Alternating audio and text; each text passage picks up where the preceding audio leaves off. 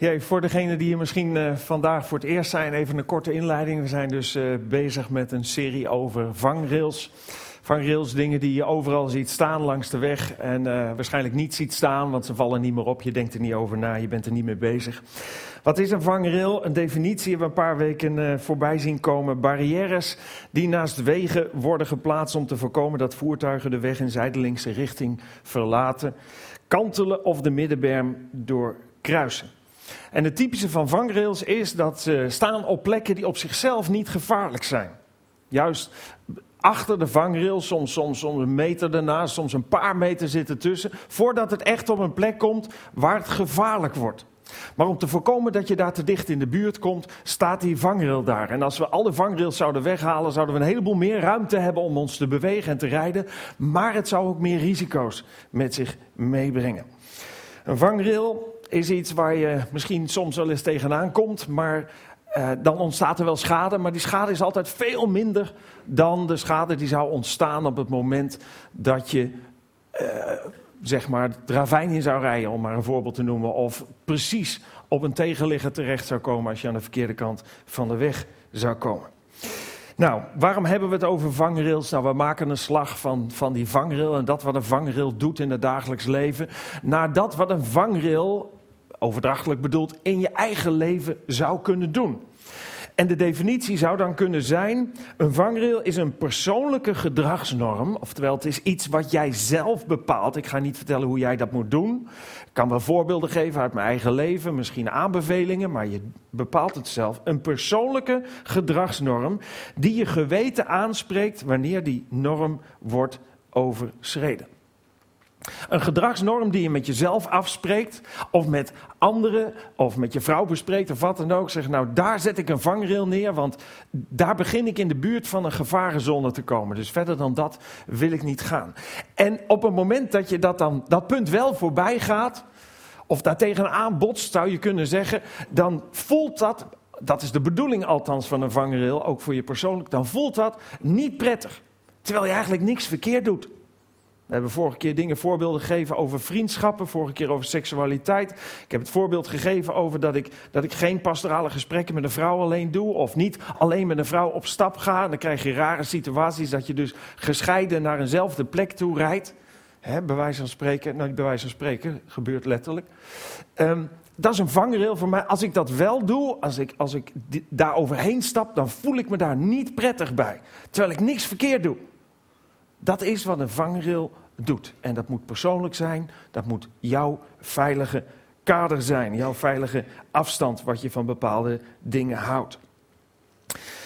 Je grootste spijt, of het nou is op gebied van relaties, of op gebied van financiën, of op gebied van seksualiteit, of eh, ethische keuzes, of, of morele keuzes die je hebt gemaakt in je leven. Je grootste spijt had waarschijnlijk voorkomen kunnen worden als je vangrails had gehad in je leven.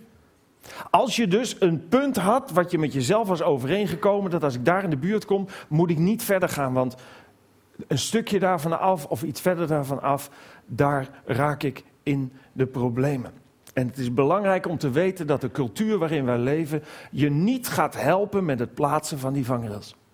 De cultuur waarin wij leven trekt ons juist zo ver mogelijk toe naar de rand. Hoeveel kan ik maximaal lenen? Hoe ver kan ik maximaal hiermee gaan? Wat kan ik maximaal doen?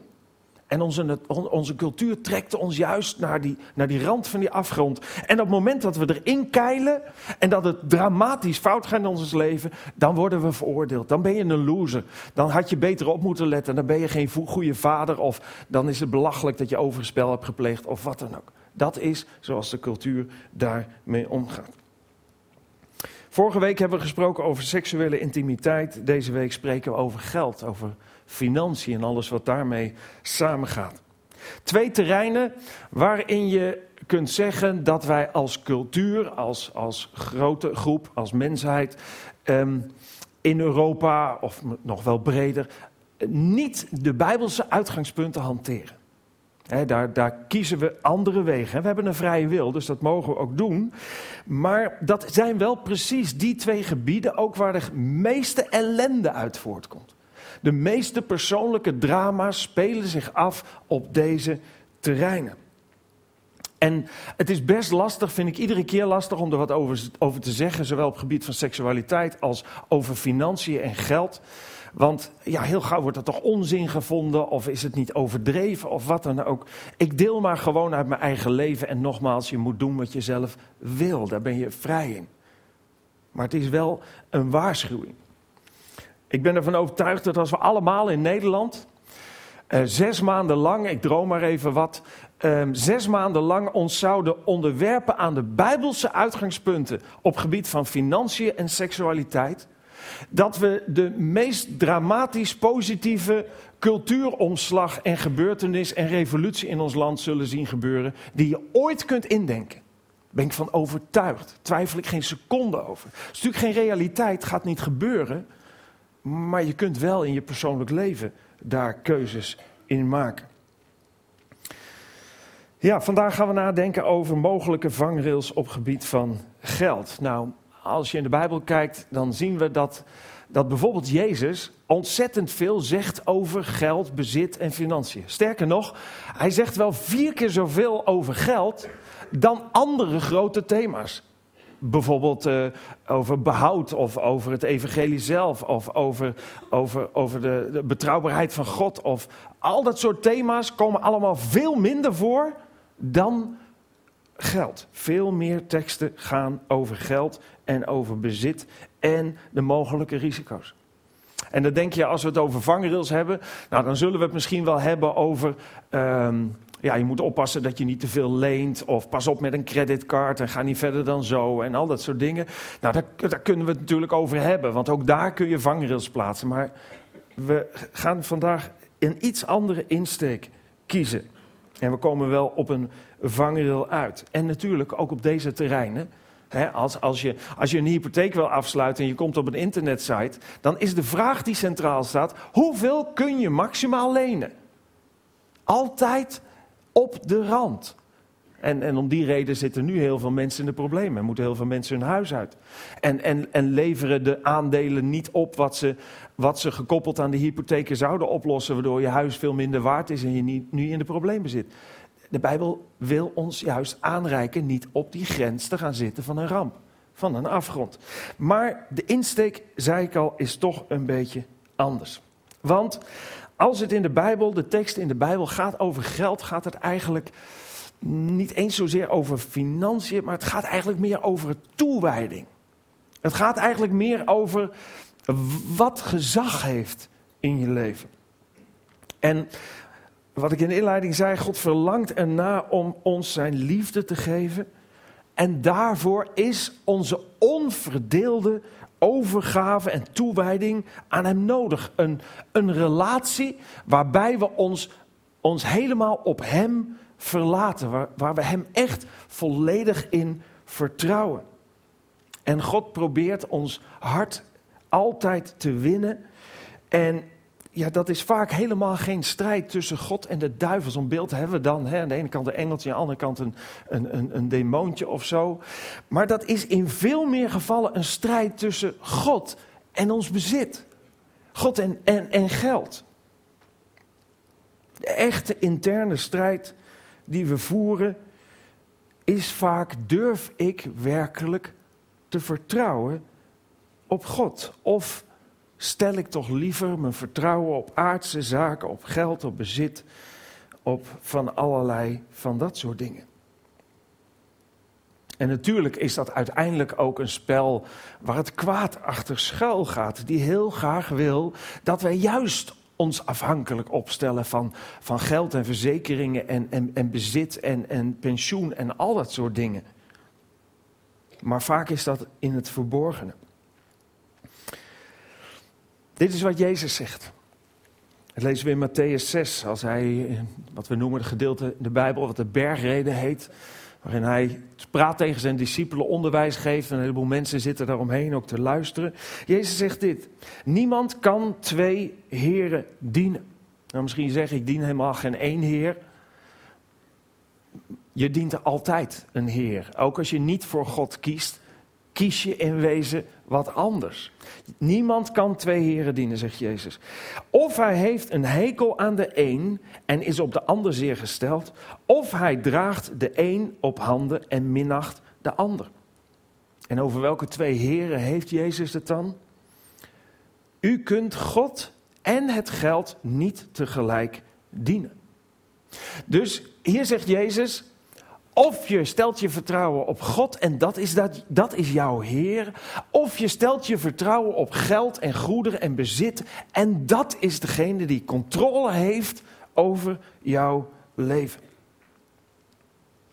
Als ware zegt Jezus, laat me je helpen te zien waar het werkelijke spanningsveld zich in je leven afspeelt. Waar je werkelijk, misschien onbewust mee worstelt. Ieder mens is van nature geneigd om te vertrouwen juist op bezit. Dat geeft ons zekerheid. ook al is het misschien een schijnzekerheid, maar het geeft ons een soort van zekerheid om geld en goederen en inkomen, rijkdom en pensioen en verzekeringen te hebben. Maar het geeft ons natuurlijk helemaal geen zekerheid. En van tijd tot tijd komen we erachter, en nu is zo'n periode hè, waarin we nu leven, ja, dan zijn in één keer die aandelen heel veel minder waard. En in één keer gaat die zogenaamde opgebouwde pensioengelden niet uitkeren wat eerder toegezegd was. En in één keer blijkt je huis veel minder waard. En in één keer zijn al die zekerheden, en ineens ben je baan kwijt. Blijken al die zekerheden geen zekerheid te zijn. En toch Iedere keer opnieuw stellen we daar juist ons vertrouwen in. En wat de Bijbel ons laat zien is dat God je vader wil zijn. Je hemelse vader wil zijn. Die het beste met je voor heeft. En die je zo graag wil, wil geven waar we ten diepste allemaal naar verlangen. En dat is met geen geld te koop.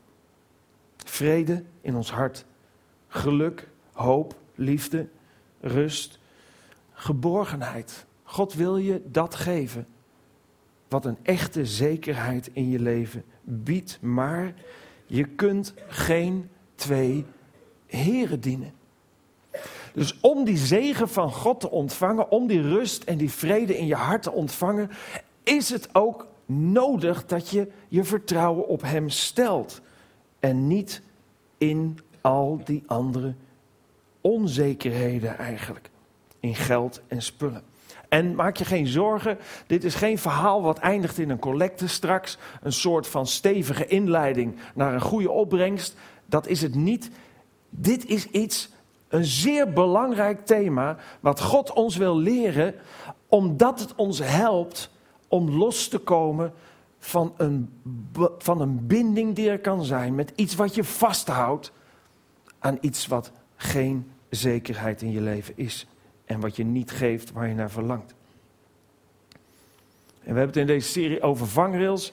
Nou, hier is het een, een, je zou kunnen zeggen, een weg die je gaat, die aan weerskanten een afgrond heeft. En weerskanten een vangrail nodig als het gaat om financiën. En de ene afgrond, het ene risico wat je hebt met financiën, heet zoveel mogelijk oppotten. En de andere risico heet zoveel mogelijk uitgeven. En in beide stel je mogelijk je vertrouwen. Zoveel mogelijk uitgeven betekent elke euro die binnenkomt, moeten spullen worden. In je huis of in je kledingkast, of het moet een huis worden, of een auto, of een nieuwe keuken, of wat dan ook. Ja, er staat hier dan, dan toevallig een vrouw, maar het had ook gerust een vrouw kunnen zijn. Dus. goedkoop grapje, ja. ja. Nee, maar mannen geven ook wel eens wat uit. Ehm, en meestal zijn dat veel duurdere dingen. Um, ja, je geeft dan, als je zo'n uitgever bent hè, en als je daar ook, ook, het meeste mee voelt, ja, je houdt meestal aan het eind van, de, van, van je salaris nog een stukje maand over en uh, komt iedere keer misschien wel weer in de problemen. En waarom hebben we al die spullen nodig? Nou, we kopen eigenlijk een stukje zekerheid en da daarnaast ook nog een stukje bevrediging van dat diepe verlangen wat we wel bevredigd willen zien. Want we hebben toch een honger naar geluk en we denken dat daar ons geluk in ligt. En iedere keer blijkt weer dat het tijdelijk is en dat het, dat het maar een korte houdbaarheidsdatum heeft. Maar dat is een risico, dat we dat doen en dat we daar ons, onze zekerheid hebben. Aan de andere kant van de afgrond zit het risico van het zoveel mogelijk willen oppotten. Gedreven door ehm, uitspraken als: maar stel je voor dat. Of stel je voor dat dit gebeurt, of de economie naar beneden gaat, of stel je voor dat ik mijn baan kwijtraak, of stel je voor dat dit gebeurt. En, en het risico is dat je daar helemaal geen maat in weet. Sparen is niks mis mee, maar helemaal geen maat mee weet. En eigenlijk dat je zekerheid wordt. En dat moet steeds groter worden en steeds meer worden. En eigenlijk beperkt je het je aan alle kanten. Afgronden aan weerskanten als het gaat om financiën. En weet je wat bijzonder is? Dat deze twee menstypen, de oppotters en de uitgevers, meestal met elkaar trouwen. Heb je die ervaring ook of niet? Ja, meestal trouwen ze met elkaar. En, en, en dat geeft dus altijd een beetje spanning hè? In, in, een, in een relatie. Nou komt er een hele goede serie aan, hè? vijfdelige serie om weer verliefd te worden. Dus het kan allemaal goed komen. Maar dat geeft een stukje spanning. Ja. Maar hoe verschillend deze twee ook lijken te zijn, toch hebben ze een duidelijke overeenkomst. Ze zijn namelijk allemaal beide, klinkt een beetje hard misschien, maar beide egocentrisch en wezen ook hebzuchtig. Zeker als dat, als dat escaleert, als je daar echt je vertrouwen in stelt, dan leef je eigenlijk alsof God niet bestaat. Dat zullen we verderop ook nog lezen. Want we stellen ons vertrouwen in bezit, in spullen of in geld. Daar zit onze zekerheid. Nou, deze omschrijving geldt natuurlijk niet voor jou. Als je dit hoort, en uh, egocentrisch en, en, zelfzuchtig en zo, denk je, nou, dat gaat, kan over iedereen gaan, maar niet voor mij. Maar laat ik je één ding zeggen: hebzucht is heel moeilijk in de spiegel te herkennen. Echt waar. Er is nog nooit iemand bij me gekomen die zegt: Peter, wil je voor me bidden, want ik ben zo hebzuchtig? Nee, dat is niet gebeurd. Dat, want dat zien we heel, heel vaak helemaal niet, dat we dat wel zijn. Dat daar wel onze zekerheid ligt. Hebzucht is moeilijk te herkennen. Het sluipt erin. En er is niks mis met geld uitgeven, dat is nodig. Er is niks mis met sparen. Maar het zuigt je eigenlijk naar een plek waar het wel misgaat. Namelijk daar waar het je zekerheid wordt. En daarom is er ook een vangrail nodig. Om te voorkomen dat je daarin gezogen wordt. Daar komen we zo op wat dan die vangrail ook is. En het maakt niet uit, je kunt rijk en hebzuchtig zijn, maar je kunt ook arm en hebzuchtig zijn. Je kunt rijk zijn en vertrouwen op je geld. Je kunt arm zijn en vertrouwen op het weinige wat je hebt, maar dan toch daar je zekerheid in zien. En hebzucht leidt tot gebondenheid, leidt tot afhankelijkheid. En dat wordt dan, of is dan je Heer. En Jezus zegt, je kunt niet God en je geld dienen. Alleen maar één van beide. En dat betekent niet dat als dat zo is, als je ergens voelt dat, die, ja, dat je toch wel heel afhankelijk bent van geld, wil niet zeggen dat je niet kunt geloven. Het wil niet zeggen dat je, dat je niet naar de kerk gaat. Of het wil niet zeggen dat je geen respect hebt voor de Bijbel. Het kan best zijn dat je wel gelooft. Maar toch ergens, op momenten dat je op zo'n kruispunt komt, merkt dat je je niet echt durft over te geven aan God. Hem echt durft te vertrouwen. Omdat heel diep van binnen, misschien bewust of onbewust, toch je bezit of je geld je zekerheid geeft. Je leeft alsof God niet bestaat. En dat is in wezen een brandstof weer voor hebzucht.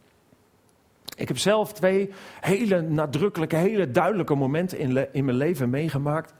Waarin ik, waarin ik door God eigenlijk geconfronteerd werd met mijn zekerheid, wat ik stelde of mogelijk zou kunnen stellen in geld en de keuze die ik daarin moest maken. De eerste was toen ik net tot geloof was gekomen.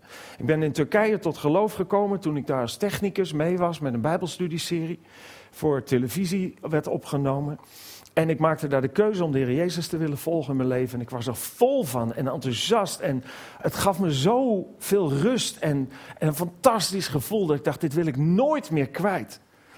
Maar onderwijl was ik ook bezig met een behoorlijke transactie om een huis te kopen. En dan zou ik met de aankoop van dat huis een hoeveelheid zwart geld inbrengen. Witwassen, zeg maar. En dat was een, was een heel, heel, heel omslachtig verhaal. Ga ik niet helemaal vertellen. Maar ik werd op dat moment zo geconfronteerd, zo, zo, zo net christen als ik was, dat Jezus me liet zien, dat de Bijbel me liet zien, maar dit is niet oké wat je wil gaan doen. En, en daar probeerde ik nog een deal met God uit te slepen. Als ik het nou zo doe, en wat was die deal? Nou, de deal was zodanig dat ik niet te veel risico liep.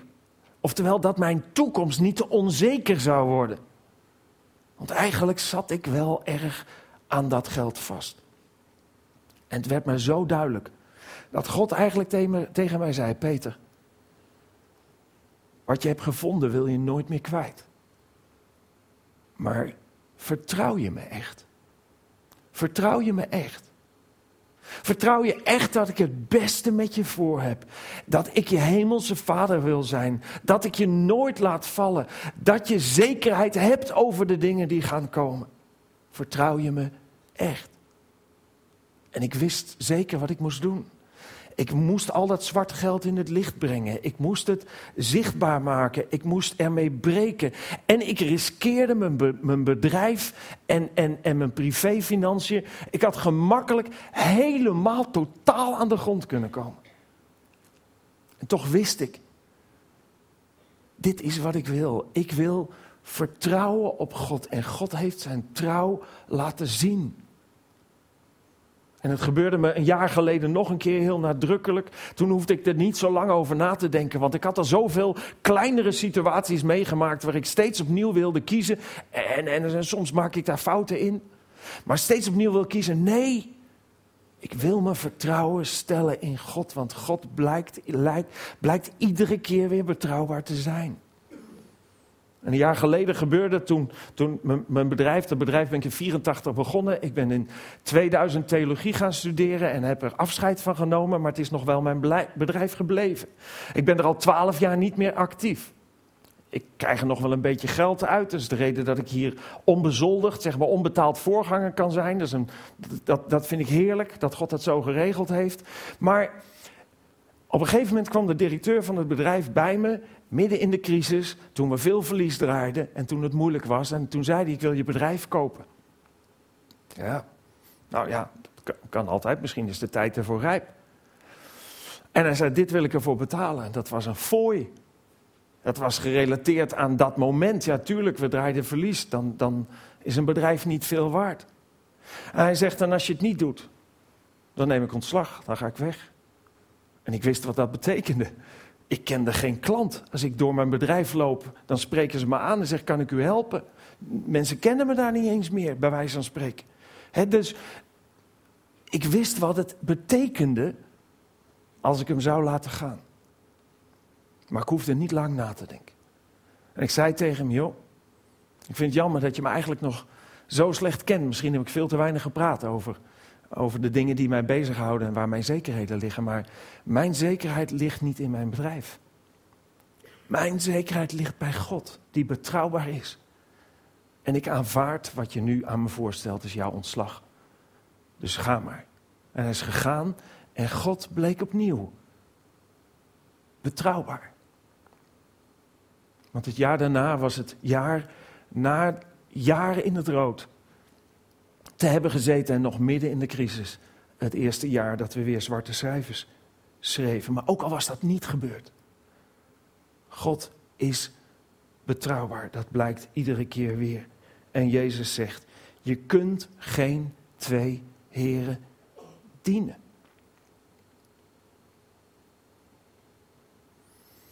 En er is eigenlijk maar één manier om te breken met hebzucht en met valse zekerheid.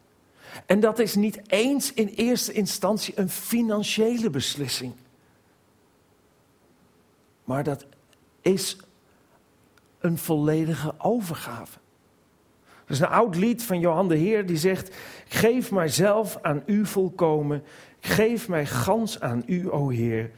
Ik, ik wil alleen voor u gaan leven. Ik leef voortaan mijzelf niet meer. Dat is de kern waar het om gaat. Het vierde, vierde couplet zegt: Geef mezelf aan u volkomen. Heer, hier hebt gij mij geheel. Laat uw liefde mij doorstromen. Laat uw zegen zijn mijn deel. Dat is waar het om gaat. Een oud opwekkingslied, nummer 42, zegt: Ik stel mijn vertrouwen op de Heer mijn God, want in zijn hand ligt heel mijn levenslot. Hem heb ik lief, zijn vrede woont in mij. Ik zie naar hem op en ik weet, hij is mij steeds nabij. Overgave, één Heer dienen. En de concurrent is geld. Jezus zegt, waar je schat is, daar zal ook je hart zijn. Nog even terug naar die tekst aan het begin. Niemand kan twee heren dienen, zei Jezus. Of hij heeft een hekel aan de een en is op de ander zeer gesteld, of hij draagt de een op handen en minacht de ander. U kunt God en het geld niet tegelijk dienen. Je zou jezelf eerlijk kunnen afvragen. Bezit ik geld en goederen? Of bezit het mij? Dient geld mij of dien ik het geld? En weet je, er zijn verschillende dingen. Het eerste belangrijkste is natuurlijk die overgave. En steeds opnieuw weer die overgave. Dat is misschien wel de belangrijkste vangrail om ver weg te blijven van die afhankelijkheid. Een andere vangrail die de Bijbel je aanreikt is geven. Hou niet alles voor jezelf, maar geef ook weg. Is dit dan misschien de aankondiging naar de collecte? Nee, ook niet. Nee, we houden geen collectes. Nee, je mag altijd geven, voel je vrij. Dit is wat God ons aanreikt. Om te zorgen dat we uit de macht van het geld blijven. Geven beschermt je tegen materialisme en over de top spaargedrag. Geven helpt je je meer van God afhankelijk te voelen. En soms is dat ook het gevolg van wat je geeft. Geven doet iets met je hartsgesteldheid. Paulus zei in Handelingen: indachtig de woorden van de Heer Jezus, oftewel terugdenkend aan dat wat Jezus heeft gezegd, die immers gezegd heeft: geven maakt gelukkiger dan ontvangen. Geven maakt gelukkiger dan ontvangen. De Britse zendeling die in China zendeling was, Hudson Taylor, zei: Hoe minder ik voor mezelf besteedde en hoe meer ik weggaf, des te meer mijn ziel vervuld raakte met blijdschap en zegen. Dat is iets wat God ons aanreikt. En ik had afgelopen week een gesprek met iemand die zo graag eigenlijk God wilde vertrouwen. Die zo graag die zegen van God in het leven wilde ervaren. Waar eigenlijk alles op het spel stond. Werk, huwelijk, alles. En met de dingen die ik voorstelde, kwam steeds weer: ja, maar mijn werk. Ja, maar mijn financiën. Ja, maar steeds kwam eigenlijk weer een zekerheid wat geen zekerheid is. Net als het, net als het gesprek wat Jezus had met de rijke jongeling. die jonge, rijke man die heel veel geld en goederen had en, en een heleboel dingen goed deed. Hield de wet en was gehoorzaam, bad op tijd en ging naar de synagoge en noem allemaal maar op. En toen zei Jezus tegen hem, nou oké, doe nog één ding. Geef alles weg wat je hebt en volg mij. En toen was, de, toen was het verhaal helder. Het geld was zijn heer, dat was zijn meester. Hij was afhankelijk geworden van het geld. Daar lag zijn zekerheid. En hij droop af en volgde Jezus niet. Geven, weggeven van een deel wat jou toekomt, wat naar je toe komt, is heel goed en helpt je in dat proces om niet in hebzucht te vervallen. We hebben onze kinderen geleerd, ze wat ouder waren, om minimaal 10% van hun, eh, van hun inkomen weg te geven aan de kerk. Nou, de kerk is een door God gegeven en gedragen gemeenschap van gelovigen die ehm, met Jezus aan het hoofd ontzettend betekenisvol kan zijn in de wereld om ons heen. Sterker nog, ik ben ervan overtuigd dat wanneer de kerk functioneert zoals God het heeft bedoeld, dat dat de hoop is voor de wereld. Daardoor leren mensen de Heer Jezus Christus kennen en zijn principes. En daar mag, dat mag je ook steunen. En dat hoeft echt niet alleen de kerk te zijn. Er zijn meer goede doelen die je kunt ondersteunen en je hoeft het ook echt niet bij 10% te laten. Voel je vrij en laat je leiden. En waarom hebben ze dat geleerd? Nou, omdat we dit principe in de Bijbel herkennen. Lezen bijvoorbeeld in Malachi: Breng de gehele tiende, dus 10%, naar de voorraadkamer, dat er spijzen zij in mijn huis. En mijn huis was vroeger de tempel. En ik maak nu de vertaalslag naar de, naar de kerk. Ik vertaal het gewoon daar naartoe. En dan kun je vanuit van allerlei theologische aspecten naar me toe komen en zeggen: Nou, is dat wel helemaal zuiver? En kun je dat wel doen? En noem maar op. Doe het zoals je zelf wil. Vraag dan God hoe het moet. Dit is de omslag die ik erin zie. Ik zie dat God werkt door zijn gemeente heen en dat die ook gesteund mag worden. En het mooie is, wat we lezen in het vervolg van die tekst van Malachi, dat God zegt: beproef mij toch daarmee, zegt de Heere de Heerscharen. Of ik dan niet voor u de vensters van de hemel zal openen en zegen in overvloed over u uitgieten. Dus God verbindt zijn zegen aan het geven. Dat is heel gevaarlijk om te zeggen vanaf een podium in een kerk. Want dat klinkt snel als een soort van welvaartsevangelie. Zo van geef maar veel. Er zijn kerken waar dat gezegd, geef maar veel aan de voorganger. De voorganger rijdt met een hele grote auto. En, en, en, maar dan krijgen jullie heel veel. Dat gebeurt meestal niet. Maar dat is niet wat Malachi hier bedoelt te zeggen. Dat is niet wat God door deze profeet heen zegt. God zegt, als je gehoorzaam bent, als je weggeeft van dat wat je is toevertrouwd. Als je uitdeelt aan anderen, dan beschermt je dat tegen hebzucht. Het geld wordt op een goede manier gebruikt en ik zal dat zegenen. Niet je krijgt dan nog meer geld of nog meer spullen of wat dan ook. Nee, de zegen die God ons wil geven is juist die rust en die vrede en die geborgenheid en die hoop en die onvoorwaardelijke liefde die God ons alleen kan geven. Daarom reikt hij ons die principes aan. En soms zeggen mensen: Ik wil wel geven, maar aan het eind van de maand is er niets meer over. Dat klopt. Daarom zegt God ook: Geef mij de eersteling. Dus niet de restanten, de snippers, de kruimels. Nee, vertrouw je op mij? Durf je een deel van wat je krijgt maandelijks af te zonderen om weg te geven? En vertrouw je dan op mij? Dat ik daadwerkelijk die zegen geef? Of denk je van nou, ja, zou dat wel echt gebeuren dan? Ja, dat gebeurt echt. God is betrouwbaar, maar niet als je hem niet vertrouwt. Niet als je denkt van nou, eerst maar eens even zien hoe het deze maand gaat. Nee, dan is alles op, dat kan ik je beloven. En ik zeg deze dingen echt niet niet voor mezelf, of niet om de giften aan de basis wat op te vijzelen, of niet om mijn inkomen veilig te stellen. Ik ben gelukkig daarvan niet afhankelijk. Dus ik kan me daar helemaal vrij in bewegen. Ik zeg het allemaal zodat je gaat begrijpen hoe het werkelijk in elkaar steekt.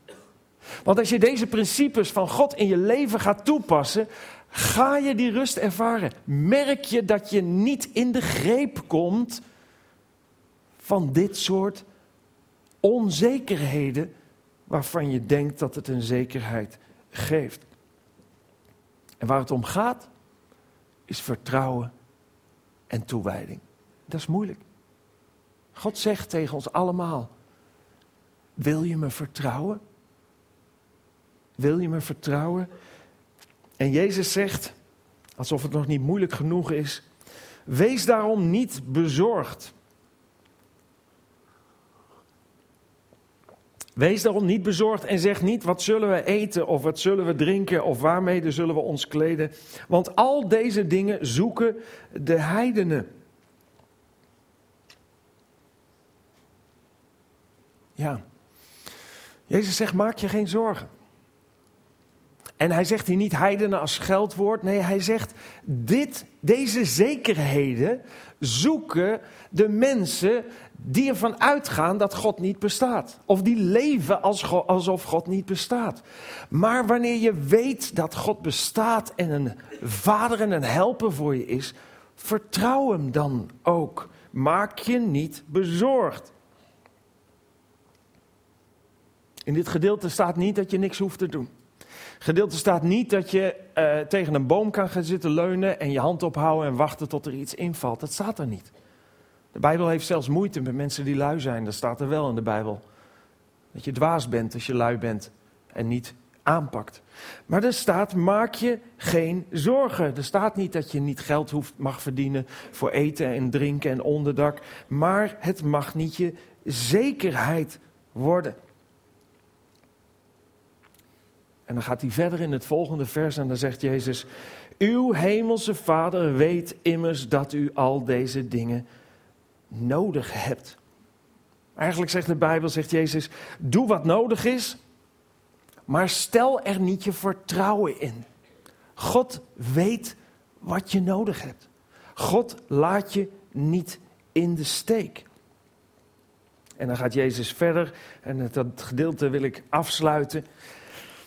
Nadat hij heeft gezegd, maak je geen zorgen, zegt hij, zoek maar zoek eerst het koninkrijk van God en zijn gerechtigheid. En al deze dingen zullen u erbij gegeven worden.